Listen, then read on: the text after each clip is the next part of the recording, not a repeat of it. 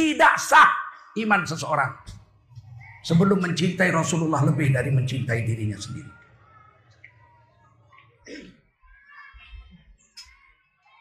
Hari ini Nabi dihina orang dia aja. Nabi Muhammad dihina orang dia aja. Tokoh-tokoh agama lagi adem. Islam tidak hancur dengan karena diejek-ejek orang. Iya, Islam tidak hancur karena diejek-ejek orang. Yang hancur itu imanmu. Bukan agama Islam yang hancur. Ada orang menghina agama Islam. Ada orang menghina Rasulullah. Kita diam. Agama Islam tidak hina dengan dihina orang. Tapi kamu kamu rusak di mata Allah SWT, di hadapan Allah SWT. Imanmu batal. Karena tidak ada kecemburuan sedikit pun dalam hatimu terhadap agamamu dan terhadap Rasulmu.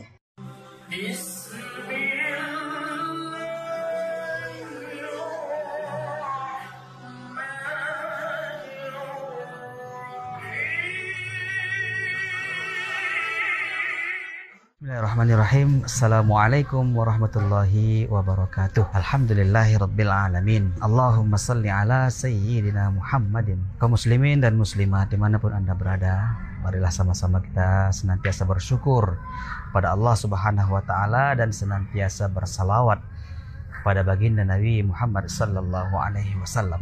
Di sini kami berdiri selaku pengurus sekaligus guru di Ma'had Tahfizul Quran Tengku Rafiuddin Tanjung Sari, Medan. Eh, di depan pesantren ini kami menyampaikan kepada saudara-saudara Ma'had kami ini Alhamdulillah telah berdiri lebih kurang lima tahun Alhamdulillah sampai saat ini sudah menamatkan beberapa orang santri mukamal 30 juz Al-Quran. Sekarang Alhamdulillah Ma'had Tahfizul Quran Rafiuddin Tanjung Sari ini ada santriwan dan santriwati. Santriwannya lebih kurang 40 sampai 50 anak dan santriwatinya ada lebih kurang 30-an anak. Alhamdulillah mereka sudah memiliki tempat tempat tinggal asrama lokal yang uh, alhamdulillah memadai, layak uh, dibanding sebelumnya tahun-tahun sebelumnya mereka serba mujahadah. Uh, baik uh, lokal belajar maupun asrama tempat tinggal serba mujahadah. Tapi alhamdulillah sekarang Allah Subhanahu wa taala telah berikan kemudahan-kemudahan. Kendaraan pun Allah Subhanahu wa taala cukupkan. Sekarang kaum muslimin dan muslimat kami dari Ma'had ini mohon doa kepada saudara-saudara sekalian bagaimana supaya madrasah ini Ma'had ini terus berjalan dan terus bisa menghasilkan para hafiz-hafiz Al-Quran, hafiz dan hafizah di seluruh penjuru Nusantara ini. Oleh sebab itu, kami dari pengurus maupun guru-guru menyampaikan kepada saudara-saudara sekalian kaum muslimin dan muslimat di mana pun anda berada bantulah program kami ini ah, program belajar mengajarkan Al-Quran bagaimana supaya anak-anak kita semakin banyak yang ngerti Al-Quran bisa baca Quran bahkan menghafal Al-Quran. Mudah-mudahan semua kita akan mendapatkan pahalanya. Untuk itu pada kaum muslimin dan muslimat saudara sekalian salurkan terus salurkan bantuan uh, sumbangan Anda ke, ke kepada pesantren Mahat Tahfizul Quran ini melalui rekening BSI uh, 762 62 777 Yayasan Barokah Sumatera Utara. Semoga berkah. Assalamualaikum warahmatullahi wabarakatuh. Hamdan wa syukran lillah Wassalatan wassalaman ala rasulillah Wa ala alihi wa sahbihi wa mawala Allahumma salli wa sallim ala hadha nabiyil karim Sayyidina wa maulana Muhammadin Wa ala alihi wa sahbihi ajma'in Amma ba'du qala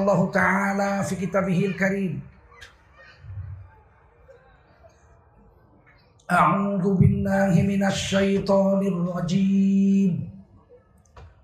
بسم الله الرحمن الرحيم. ما كان محمد أبا أحد من رجالكم ولكن ولكن رسول الله وخاتم النبيين. وكان الله بكل شيء عليما. يا أيها الذين آمنوا اذكروا الله ذكرا كثيرا وسبحوه بكرة وأصيلا قال رسول الله صلى الله عليه وسلم من خرج في طلب العلم فهو في سبيل الله حتى يرجع Baginda Rasul bersabda, siapa keluar untuk mendapatkan ilmu, orang itu adalah orang yang berjihad fisabilillah sampai dia kembali ke tempatnya. Mudah-mudahan kita semua mendapatkan pahala jihad dari Allah Subhanahu wa taala. Amin. Sadaqallahul azim. Wa sadaqa rasuluhun nabiyul karim. Wa nahnu ala dhalika minasy syahidin wasyakirin. Walhamdulillahi rabbil alamin. Para ulama yang mulia khususnya tuan guru kami Syekhin al-Kiram Abun bagi kita kalangan pesantren sebenarnya tidak boleh menyebut nama malu segan. Tapi di sini banyak orang-orang yang bukan orang pesantren kita sebutlah namanya Syekh Kiai Haji Muhammad Bakri. Semoga kiranya beliau dipanjangkan umurnya oleh Allah SWT dipenuhi barokah dalam kehidupan beliau. Amin. Sekeluarga besar yang dimuliakan Allah SWT para pimpinan pondok pesantren yang hadir, para kiai, para ulama. Ada 17 pimpinan pondok pesantren hari ini yang berhadir di sini. Ada yang dari Aceh juga, dari Takengon, dari Gayu. Mungkin ada dari Labuan Haji, dari Aceh Selatan. Selamat datang ke pesantren Darussalam dan terima kasih atas kehadirannya. Mungkin ini kali pertama kita bertatap muka. Maafkan saya duduk di depan. Kali ini diberi kesempatan untuk berbicara. Tokoh-tokoh bangsa kita, para umarok, Bapak Camat, Bapak Lurah, Bapak dan Ramil dan jajarannya, Bapak Kapolsek dan jajarannya yang dimuliakan Allah SWT. Bapak-bapak, ibu-ibu, tokoh agama, tokoh adat, tokoh masyarakat yang dimuliakan Allah SWT dan seluruh santri dan santriwati.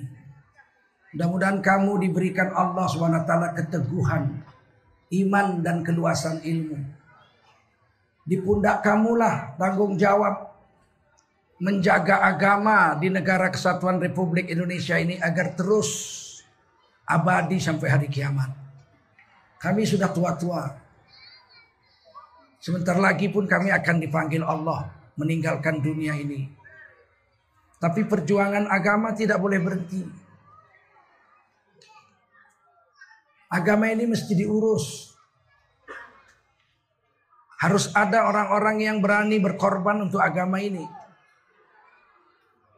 Agar agama kita ini yang agung ini tidak musnah, hilang, ditelan zaman. Orang-orang dulu mengurus agama ini mati-matian. Sisa-sisanya baru mereka nikmati untuk kehidupan dunia mereka.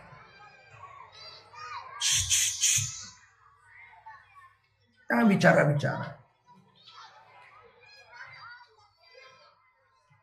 Orang-orang dulu semua harta diri mereka, waktu mereka mati-matian untuk agama ini.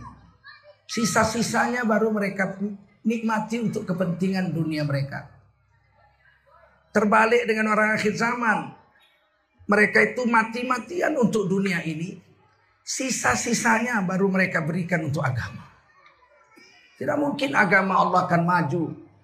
Seperti zaman-zaman cemerlangnya Islam, zaman sahabat, zaman tabi'in, tabi'ut tabi'in. 300 tahun awal Islam. Waktu Nabi wafat, orang Islam hanya 124 ribu, termasuk anak-anak. Sementara dua superpower dunia, kerajaan raksasa, Romawi dan Parsi punya tentara satu juta, satu juta, dua juta tentara. Sebentar aja pada zaman Umar bin Khattab radhiyallahu Romawi dan Parsi tumbang di kaki orang Islam. Parsi musnah dari peta dunia selama-lamanya sampai hari kiamat. Romawi kunci Masjidil Aqsa diambil oleh Khalifah Umar. Padahal siapa yang nggak ngeri melihat mendengar nama Parsi dan Romawi zaman itu. Kenapa? Karena mereka mati-matian untuk agama. Dan hebatnya mereka itu jujur. Siddiq. Orang-orang siddikun. Jujur kepada diri sendiri, kepada Allah. Sehingga orang-orang kafir berbondong-bondong kepingin diperintah oleh orang Islam. Para sejarawan menulis, kenapa Romawi dengan sejuta tentara tumbang? Karena sebagian besar rakyat Romawi lebih senang diperintah oleh orang Islam daripada diperintah oleh penjajah Romawi menurut mereka. Begitu juga Parsi penyembah api ini. Kenapa bisa tumbang? Mereka kejam, sadis, nggak punya perasaan, nggak punya aturan dalam perang. Kenapa bisa tumbang? Karena sebagian besar rakyat Parsi lebih senang diperintah oleh orang Islam. Walaupun mereka tidak beragama Islam. Kenapa hal itu bisa muncul? Karena orang Islam jujur. Bersih. Takut kepada Allah dan ikut sunnah Rasulullah SAW 100%. Saat itu Islam seperti taman yang indah. Penuh dengan pohon-pohonan yang menyejukkan. Kupu-kupu berterbangan di sana kemari. Air jernih mengalir. Bunga-bunga bermekaran harum semerbak. Sehingga orang-orang di luar taman berbondong-bondong ingin masuk ke dalam taman Islam itu. Tapi lambat laun akhirnya taman itu tidak dirawat. Mulai tumbuh semak belukar. Lalang-lalang sudah mulai mengalahkan tanaman-tanaman bunga. Kala jengking sudah mulai hadir ke situ lipan. Tawon-tawon berbisa sudah datang. Ular-ular sudah berbisa sudah mulai beranak di semak-semak taman Islam itu. Akhirnya apa yang terjadi? Jangankan orang yang di luar mau masuk ke dalam taman itu. Orang yang berada di taman Islam itu hari ini berbondong-bondong kepingin keluar meninggalkan Islam. Semakin hari tugas kita semakin berat. Untuk merawat taman Islam itu. Untuk memberikan kenyamanan bagi pemeluk-pemeluknya saja susah. Apalagi untuk menarik orang luar mau mendapatkan kenyamanan di dalam taman-taman Islam hari ini. Abun yang mulia dan seluruh ulama serta saudara-saudaraku yang hadir. Wajiblah kita bersyukur pada Allah SWT atas limpahan karunia yang Allah berikan kepada kita hari ini. Salawat dan salam kita sampaikan untuk manusia paling agung. Junjungan kita baginda Rasulullah Wasallam. Siapa mengatakan ada makhluk Allah yang lebih agung dari Nabi Muhammad, batal imannya dalam Islam. Tidak boleh ada sangkaan kita dalam hati ada yang lebih hebat makhluk Allah selain Nabi Muhammad SAW. Siapa mencintai sesuatu selain Nabi lebih besar dari mencintai Nabi, kata Syekh Abdul Qadir Al-Jilani, batal imannya sebagai orang Islam. Tidak boleh ada makhluk di dunia ini yang lebih dicintai melainkan baginda Rasulullah wasallam. Bahkan lebih cinta harus kepada Nabi daripada kepada bapak ibu kita. Bahkan lebih harus cinta kepada Nabi daripada cinta pada diri kita. Kalau kita lebih cinta pada diri kita daripada pada Nabi, iman kita batal. Enggak. Iman palsu itu. Seandainya saat ini baginda Rasul ada duduk bersama kita di sini. Seandainya ada Nabi duduk bersama kita di sini sekarang. Tiba-tiba datang orang bawa senapang mesin. Mana yang namanya Muhammad itu? Mau saya bunuh. Beranikah kita berdiri di depan Nabi? Tembak saya dulu. Sebelum nyawa saya tercabut, jangan coba-coba kau ganggu Nabi kami. Kalau berani seperti itu sah imanmu sebagai orang Islam. Tapi kalau kau bilang, oh, oh walaupun saya berjubah serban berjenggot, bukan saya Muhammad itu. Yang namanya Muhammad itu, itu, itu orang itu. Ini bandit besar dalam Islam. Pengkhianat agama. Tidak sah dia sebagai orang Islam. Meskipun ditulis di KTP-nya, dia agama Islam. Meskipun mulutnya berbusa-busa mengatakan dia orang Islam. Tidak sah iman seseorang sebelum mencintai Rasulullah lebih dari mencintai dirinya sendiri.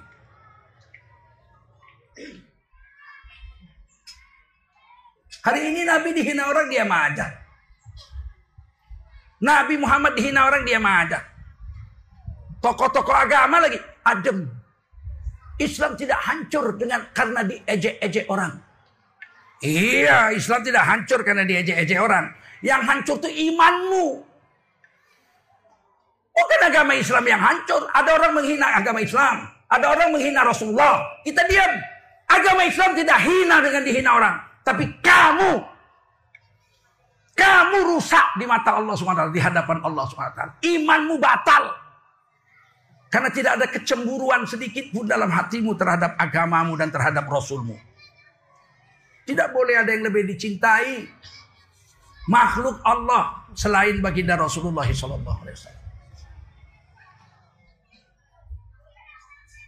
Bagaimana dengan Allah? Jangan dibanding-banding. Allah itu laisa kamitslihi syai'un. Al-Khaliq sang maha pencipta. Allah itu tidak bisa dibanding-banding dengan makhluk. Setinggi apa pun makhluk, tetap makhluk. Jangan banding-bandingkan dengan Allah.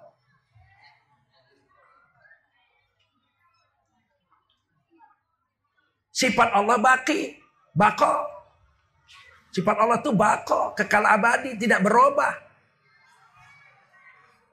Tidak ada perubahan pada sifat Allah. Kalau berubah sifatnya bukan Allah. Allah itu huwal awalu, dia yang awal, belum ada apa-apa, Allah udah ada. Kemudian Allah ciptakan benda-benda. Ketika belum ada apa-apa, Allah udah ada. Dan tidak memerlukan tempat. Tiba-tiba Allah ciptakan aras, kemudian Allah duduk di atas aras, berubah sifat Allah. Dari tidak memerlukan tempat menjadi memerlukan aras. Bukan Allah kalau begitu. Sifat Allah tidak pernah berubah. Paham? La mubaddila li kalimatillah. Nggak berubah Allah. Sifat-sifatnya, kalimat-kalimatnya nggak berubah. Ketika awal Allah tidak perlu tempat, tidak perlu makhluk. Kemudian Allah ciptakan makhluk-makhluk. Ada aras, ada langit, ada kursi, ada alam semesta. Allah tidak memerlukan itu sedikit pun. Ini hati-hati nih ada yang orang mengatakan Tuhan duduk di aras.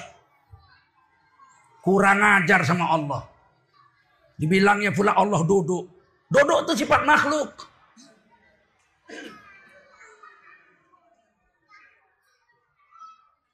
Dibilangnya pula Allah tuh duduk di atas aras. Wajib diimani. Cuman cara duduknya aja yang nggak tahu. Iya. Kalau nggak tahu kau cara duduk Allah kok kau bilang duduk. Saya itu kalau bilang sama cucu saya umur 4 tahun. Sayang, duduk sayang. Itu dua artinya itu. Pertama saya tahu caranya duduk. Kedua cucu saya juga tahu caranya duduk. Maka saya bilang sama cucu saya, sayang, duduk sayang. Dia duduk. Kalau dia nggak tahu caranya duduk, Duduk, duduk. Mana dia tahu? Nanti nungging dia. Mesti dia udah tahu caranya duduk. Saya udah tahu caranya duduk. Maka saya bilang sama cucu saya, duduk nak. Duduk dia. Kalau kita bilang Allah duduk di aras. Tapi cara duduknya nggak tahu. Iya. Kau nggak tahu cara duduk, kau bilang duduk. Inilah akal manusia ini di akhir zaman ini banyak tercabut akal ini. Mengaji itu sama ulama yang lurus. Bukan asal-asalan kau ngaji soal tauhid ini kalau rusak. Celaka selama-lamanya di akhirat. Gak bisa lagi diperbaiki mau pulang ke dunia. Dunia udah kiamat. Maka jangan gadekan iman kita kepada Allah dan kepada baginda Rasulullah Muhammad Sallallahu Alaihi Wasallam. Maafkan saya ini cerita ini karena banyak guru-guru pesantren dan santri-santri. Sebetulnya nggak boleh cerita tauhid dalam-dalam, nanti bisa gila orang betul itu kedalaman. Jangan kau bahas-bahas sifat Allah nggak sanggup otakmu. Tapi yang gini-gini ini mengganggu juga. Dibilang Allah duduk di aras, siapa nggak percaya Allah duduk di aras kafir. Yo, dibilangnya kafir kita. Ah ini perlulah kita. Ar-Rahmanu alal arsyistawa. Allah istawa di atas arsh. Bagaimana itu istawa itu? Tak tahu kami. Apa arti istawa? Enggak tahu. Biarkan aja begitu sudah nanti di hari kiamat baru tahu. Ini paham salaf. Jangan dibahas-bahas. Apa itu istawa? Enggak tahu. Terus kapan tahunya? Nanti setelah hari kiamat baru tahu. Sudah titik. Selamat. Ini paham salaf. Kalau paham ulama khalaf, istawa itu istaula. Allah memerintah dari atas arasnya. Tapi tidaklah Allah bertempat di sana. Allah menciptakan aras. Bukan untuk tempatnya Allah duduk. Atau bertempat tinggal. Tapi Allah menciptakan aras. Untuk menunjukkan keagungan Allah kepada seluruh makhluknya. Termasuk para malaikat. Kalau kita menyusun benda. Yang besar taruh bawah. Betul. Makin ke atas makin kecil. Makin ke atas makin kecil. Yang paling kecil paling atas. Kalau Allah menyusun yang paling bawah justru paling kecil. Makin ke atas makin besar. Oh, itu hebatnya Allah. Bumi kecil. Lebih besar matahari. Matahari kecil. Lebih besar galaksi. Galaksi kecil. Lebih besar langit. Langit kecil. Dibandingkan kursi. Kursi besar. Tapi lebih besar aras. Makin ke atas makin besar. Itu hebatnya Allah. Jadi Allah menciptakan langit, menciptakan kursi, menciptakan aras. Bukan untuk tempat tinggal Allah tapi untuk menunjukkan keagungan dan kehebatan Allah Subhanahu wa taala. Itu kata Sayyidina Ali begitu. Kalau kita masuk masjid, ini masjid baru dibangun sudah masuk sini tahun 92. Mungkin Abu lupa, saya baru nikah beberapa bulan saya sudah itikaf di sini tiga hari, tiga hari. Abun ini paman guru saya ini. Beliau mengambil torikat dari Syah Muda Wali, Labuhan Haji Aceh Selatan. Saya belajar dengan murid Syah Muda Wali, Tengku Kemala. Salah satu guru saya. Jadi Abun ini paman guru saya ini. Ini nggak beradab sebetulnya ini anak anak murid bicara depan guru. Nah, senang saya. Dari muda saya sudah kenal Abun. Sering saya sini dulu. Masjid ini belum secantik ini. Masih banyak air-air kanan kiri ini dulu. Dingin. Sekarang udah mulai panas. Kebanyakan dosa manusia. Saya senang sekali ramai sekali yang hadir Masya Allah. Ini buah dari perjuangan membentuk jiwa manusia dan membela agama. Nanti di akhirat insya Allah buahnya lebih besar, lebih manis.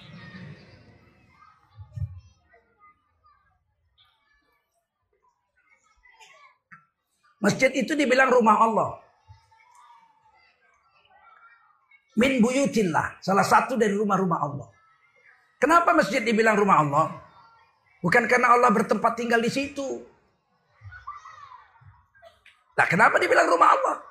Karena kata Rasul, masjid itu rumah yang penuh dengan rahmat Allah. Nah, jadi ditakwil. Ulama mutakhirin memang mentakwilnya.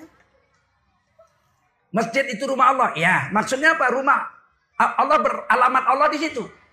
Kalau minta duit kirim kartu pos ke situ, SMS ke situ. Bukan. Maha Allah dari bertempat tinggal. Terus kenapa dibilang rumah Allah? Rumah yang penuh dengan rahmat Allah. Dari mana didapat takwil itu? Dari hadis sahih Nabi. Kalau kita masuk masjid, langkahkan kaki kanan, baca doa, Allah maftahli abwaba rahmatik. Ya Allah, bukakanlah olehmu untukku pintu-pintu, pintu-pintu, pintu-pintu, pintu-pintu rahmatmu. Berarti masjid itu rumah Allah, artinya penuh dengan rahmat Allah. Pintunya aja banyak, pintu rahmatnya itu banyak abu ab. Berarti rahmatnya lebih banyak. Kalau orang Jawa begitu. Bahasa Jawa itu begitu. Kalau banyak, banyak, nggak banyak itu. Tapi kalau orang Jawa udah banyak, oh, banyak, ah, itu baru betul. Orang Jawa begitu kalau tanya, istrimu cantik. Istriku cantik, berarti nggak cantik gitu. Tapi kalau istrimu cantik, wow, istriku cantik, ah, gitu. Rumah Allah itu rumah yang penuh dengan rahmat.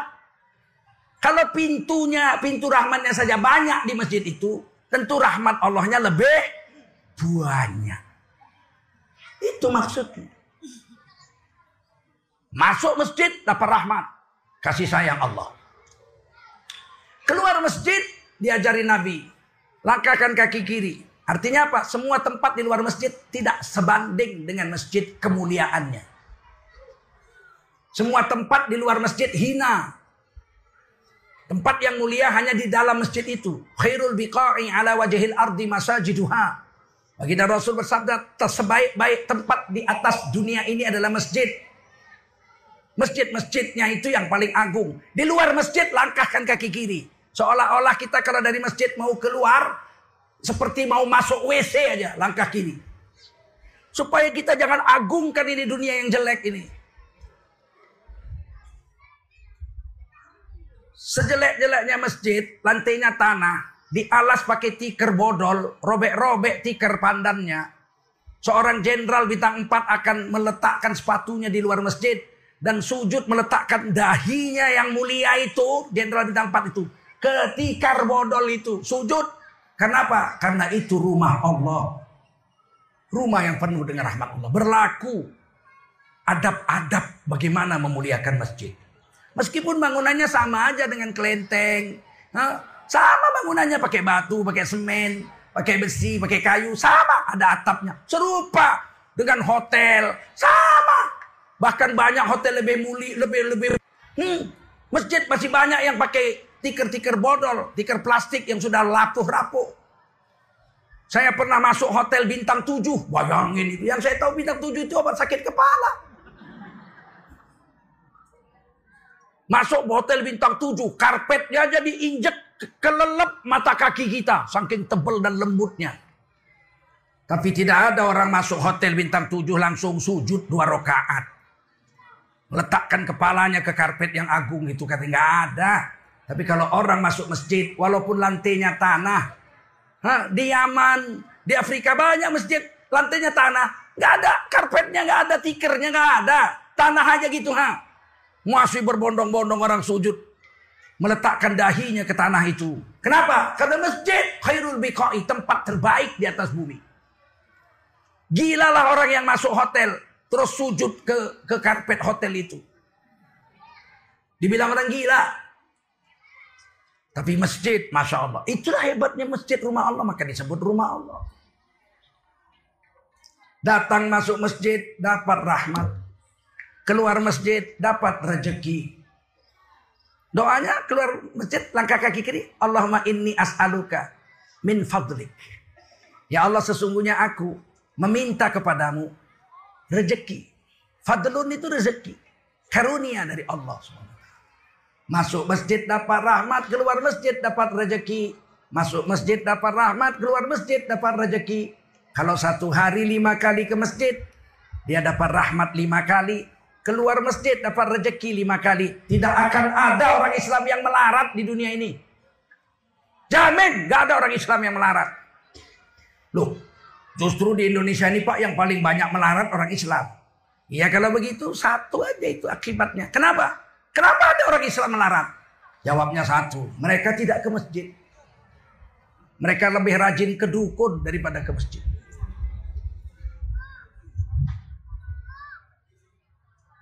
Hari ini masjid dibangun besar-besar. Saya kemarin dari Jambi naik mobil ke Sumatera Barat. Waktu subuh di Sumatera Barat, di Kabupaten Sijunjung, tiga masjid yang dijumpain digembok pagarnya. Nggak sholat subuh sekampung, sekampung, sekampung. Itu Sumatera Barat. Adat bersendi syarak, syarak bersendi kitabullah. Sedih. Pahit rasanya. Akhirnya kami jumpa satu masjid. Surau. Pakai tangga ke atas, lantainya papan. Ada beberapa perempuan tua, tujuh orang atau lima orang. Kami datang ke situ, udah sholat, belum. Alhamdulillah. Tapi sudah azan. Kami pun masuk, sudah wudhu. Tinggal masuk aja, sholat. Datang imamnya satu orang. Pakai sarung, pakai gunting Cina. Dia bilang, siapa imam? Imam tempatan aja, kami musafir. Yang sholat itu imam laki-laki cuman dia sendiri imamnya itu sudah tua. Makmumnya perempuan lima atau tujuh orang nenek-nenek juga. Ditambah kami lah empat orang. Sholatlah di situ. Sedihnya bukan main gak, gak bisa ngomong. Bacaan Qurannya pun ampuh. Ayat yang dibaca pun aro'aitalladhi saja subuh. Dalam hati saya, lima tahun lagi nih kalau bapak ini mati, surau ini tutup. Tidak ada lagi sholat berjemaah. Nggak mungkin imamnya nenek-nenek perempuan itu. Terus ke mana laki-laki satu desa itu? Kami lihat kanan kiri semua rumahnya kunci. Rumahnya cantik-cantik, kunci semua ditutup semua. Kamar-kamarnya masih gelap.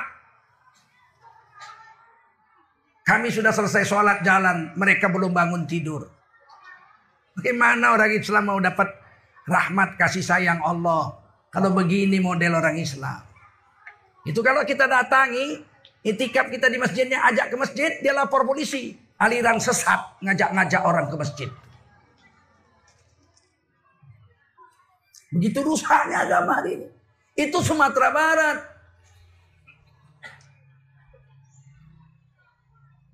Ini kerisauan kita semua. Kita harus datangi rumah-rumah kaum muslimin itu supaya dia datangi rumah Allah ini. Supaya Islam itu berjaya. Tidak ada kejayaan kalau masjid bangkrut. Kalau masjid bangkrut, perhatikanlah. Desa itu adalah desa yang dilaknat Allah subhanahu wa ta'ala. Kalau masjidnya makmur, maka berarti desa itu adalah desa yang dirahmati oleh Allah subhanahu wa ta'ala. Rahmat Allah itu turunnya di masjid, bukan di tanah lapang. Bukan di rumah-rumah kita. Yang pertama kali mendapat rahmat Allah adalah imam sholat rawatib lima waktu. Baru sop pertama sebelah kanan, baru sop pertama sebelah kiri. Baru yang dapat rahmat itu sop kedua sebelah kanan, baru sebelah kiri. Baru sop ketiga sebelah kanan, baru sop ketiga sebelah kiri. Yang paling terakhir dapat rahmat Allah adalah sop yang paling belakang. Khairus sop rijal awaluha wa syarruha akhiruha. Hadis Turmizi mengatakan sop barisan sholat terbaik bagi laki-laki lirrajul itu yang paling depan. Tetapi bagi laki-laki, bagi laki-laki sop paling jelek adalah yang paling belakang. Kenapa? Karena dia paling belakang mendapatkan rahmat Allah Subhanahu wa taala. Walin nisa'i, tapi kalau untuk perempuan lil mar'ah yang paling bagus sop perempuan itu adalah yang paling belakang. Semakin ke depan dekat imam, semakin jeleklah kedudukan sop wanita itu. Di dalam kitab-kitab fikih diajarkan dalam madhab syafi'i. Sop wanita itu paling depan anak-anak perempuan kecil-kecil. Baru nenek-nenek. Baru mama-mama makin muda, mama-mama itu makin ke belakang sopnya. Begitu mengaturnya ini sekarang mama-mama muda di depan, nenek-nenek suruh belakang. Nggak ngaji kita hari ini nggak ngaji. Dan yang paling baik wanita itu sholat di rumahnya. Di dalam mihrabnya itu yang paling besar pahala. Apakah wanita sholat ke masjid tidak berpahala? Berpahala. Tapi lebih besar kata hadis Turmizi ditulis dalam kitab Ihya Ulumuddin. Wanita sholat ke masjid berjemaah berpahala. Tapi lebih besar pahalanya kalau dia sholat di halaman masjid daripada dalam masjid. Wanita sholat di halaman masjid berpahala bagus. Tapi lebih bagus kalau dia sholat di halaman rumahnya. Wanita sholat di halaman rumahnya besar pahalanya. Tapi lebih besar kalau dia sholat di dalam rumahnya. Wanita sholat di dalam rumahnya fi baitiha. Bagus. Tapi yang ahsan yang paling bagus adalah jika dia sholat di dalam mihrabnya. Begitu diceritakan Nabi. Tapi jangan kau larang perempuan datang ke masjid. Dan tidak jangan pula kau suruh kalau dia tidak mau ke masjid. Pilih aja terserah dia. Tapi laki-laki lain. Laki-laki nggak ke masjid. Kalau imamnya itu negaranya itu negara Islam, boleh dicambuk itu laki-laki yang nggak ke masjid. Kalau dia tidak dalam keadaan uzur. Kalau di Mekah, di Medina, di Saudi, mazhab Hambali. Wajib itu berjemaah. Siapa sudah azan sholat dia masih keliaran ditangkap. Langsung dimasukkan ke kantor polisi. Dicambuk di kantor polisi. Kalau di sini. Ada orang nggak sholat tangkap. Yang nangkap masuk penjara. Sini. Radikal. Orang udah ajan main judi depan masjid. Kita marahi, kita hancurkan meja judinya. Bukan yang main judi ditangkap. Kita yang ditangkap. Udah rusaknya agama sekarang.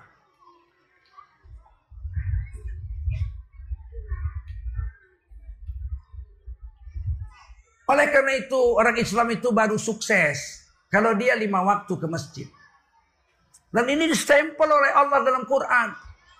Ya ayyuhalladzina amanu. Hai kamu yang beriman. Jinkah kamu, manusiakah kamu? Idza nudiya lis-salati min yaumil jumu'ah fas'au ila dzikrillahi wa dzarul bai' dzalikum khairul lakum in kuntum ta'lamun. Hai kamu orang beriman apabila kamu mendengar panggilan azan untuk datang sholat Jumat segera dan segeralah. Fa-nya itu atofnya segera Allah tuh kalau pakai fa kemudian artinya artinya kemudian itu nggak pakai waktu Nggak nunggu semenit, dua menit, tiga menit. Serentak dengan itu jalan. Nah itu dia kalau fa. Innama amruhu idha arada syai'an ayyakula lahu kun fa yakun. Kalau fa itu serentak jika Allah mau menjadikan sesuatu Allah cukup perintah jadi serentak dengan perintah jadi itu jadi. Nggak nunggu semenit, dua menit, tiga menit nggak nunggu. Kalau Allah mau pakai waktu, Orang Arab kalau mau pakai waktu, kemudian tapi ada waktunya. 5 menit, 10 menit, 1 jam, 10 hari, 10 tahun. Dia akan pakai summa. Kaifa takfuruna billahi wa kuntum amwata. Kenapakah kamu mengkafiri Allah? Padahal sebelumnya kamu dalam keadaan mati. Fa'ahyakum serentak dengan ditiupkan ruh ke dalam janin yang ada di perut ibumu. Kamu hidup. Summa yumitukum. Lama setelah kamu hidup, kamu mati. Ada yang 10 tahun, ada yang 90 tahun. Nabi Muhammad 63 tahun. Nabi Ibrahim 200 tahun. Nabi Nuh 950 tahun. Nabi Adam 1050 tahun. Summa. Kemudian kamu dimatikan. Di dalam kubur lama. Summa yuhyikum. Lama setelah kamu mati dalam kubur, kamu dihidupkan lagi. Lama di padang masar miliaran tahun diperiksa amal. Summa ilaihi turja'un. Kalau lama kemudian Allah pakai summa. Tapi Jumat Allah pakai fa. Fas'au ila dzikri. Segera dan segera kamu. Bergegas. Ke masjid. Datangi azan itu. Tinggalkan jual beli. Kok mesti dibilang jual beli? Karena yang paling cepat menghasilkan duit itu bisnis. Jual beli. Baik. Kalau bertani. Padi 4 bulan baru panen. Kalau bisnis, satu jam bisa dapat satu miliar.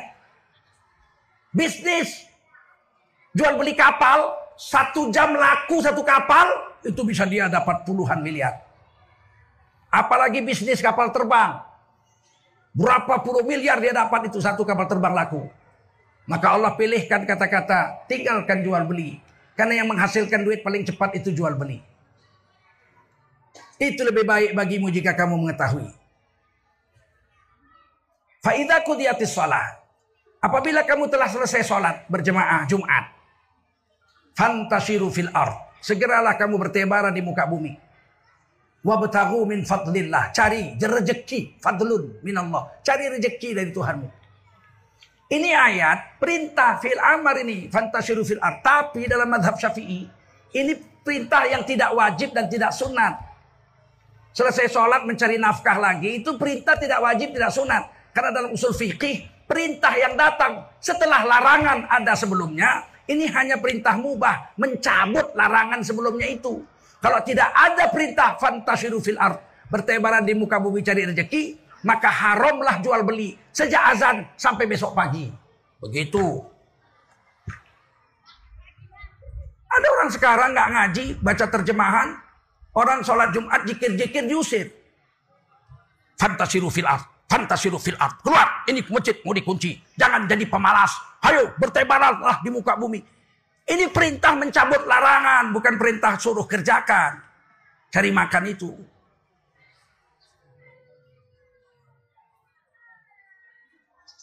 Hari ini orang mau cepat alim aja ngaji dari Google.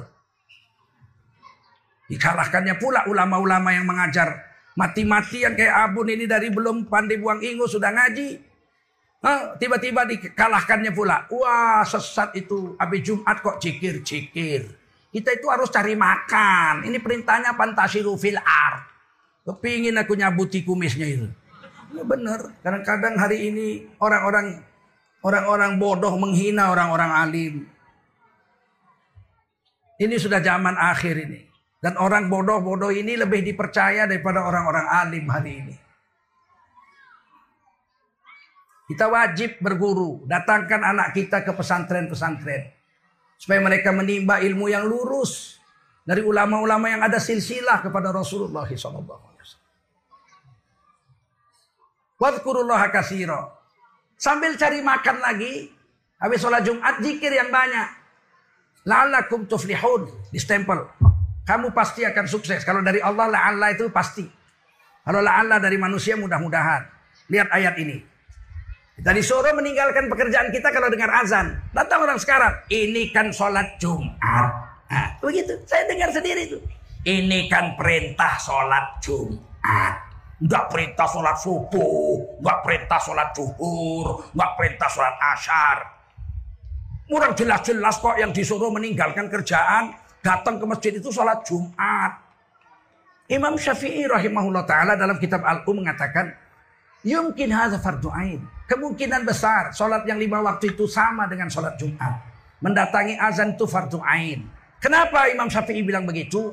Karena sholat lima waktu disyariatkan azan dan sholat Jumat juga disyariatkan azan. Karena sama-sama disyariatkan azan, kemungkinan besar hukumnya mendatangi azan sholat Jumat dengan hukumnya mendatangi azan sholat subuh. Sama hukumnya.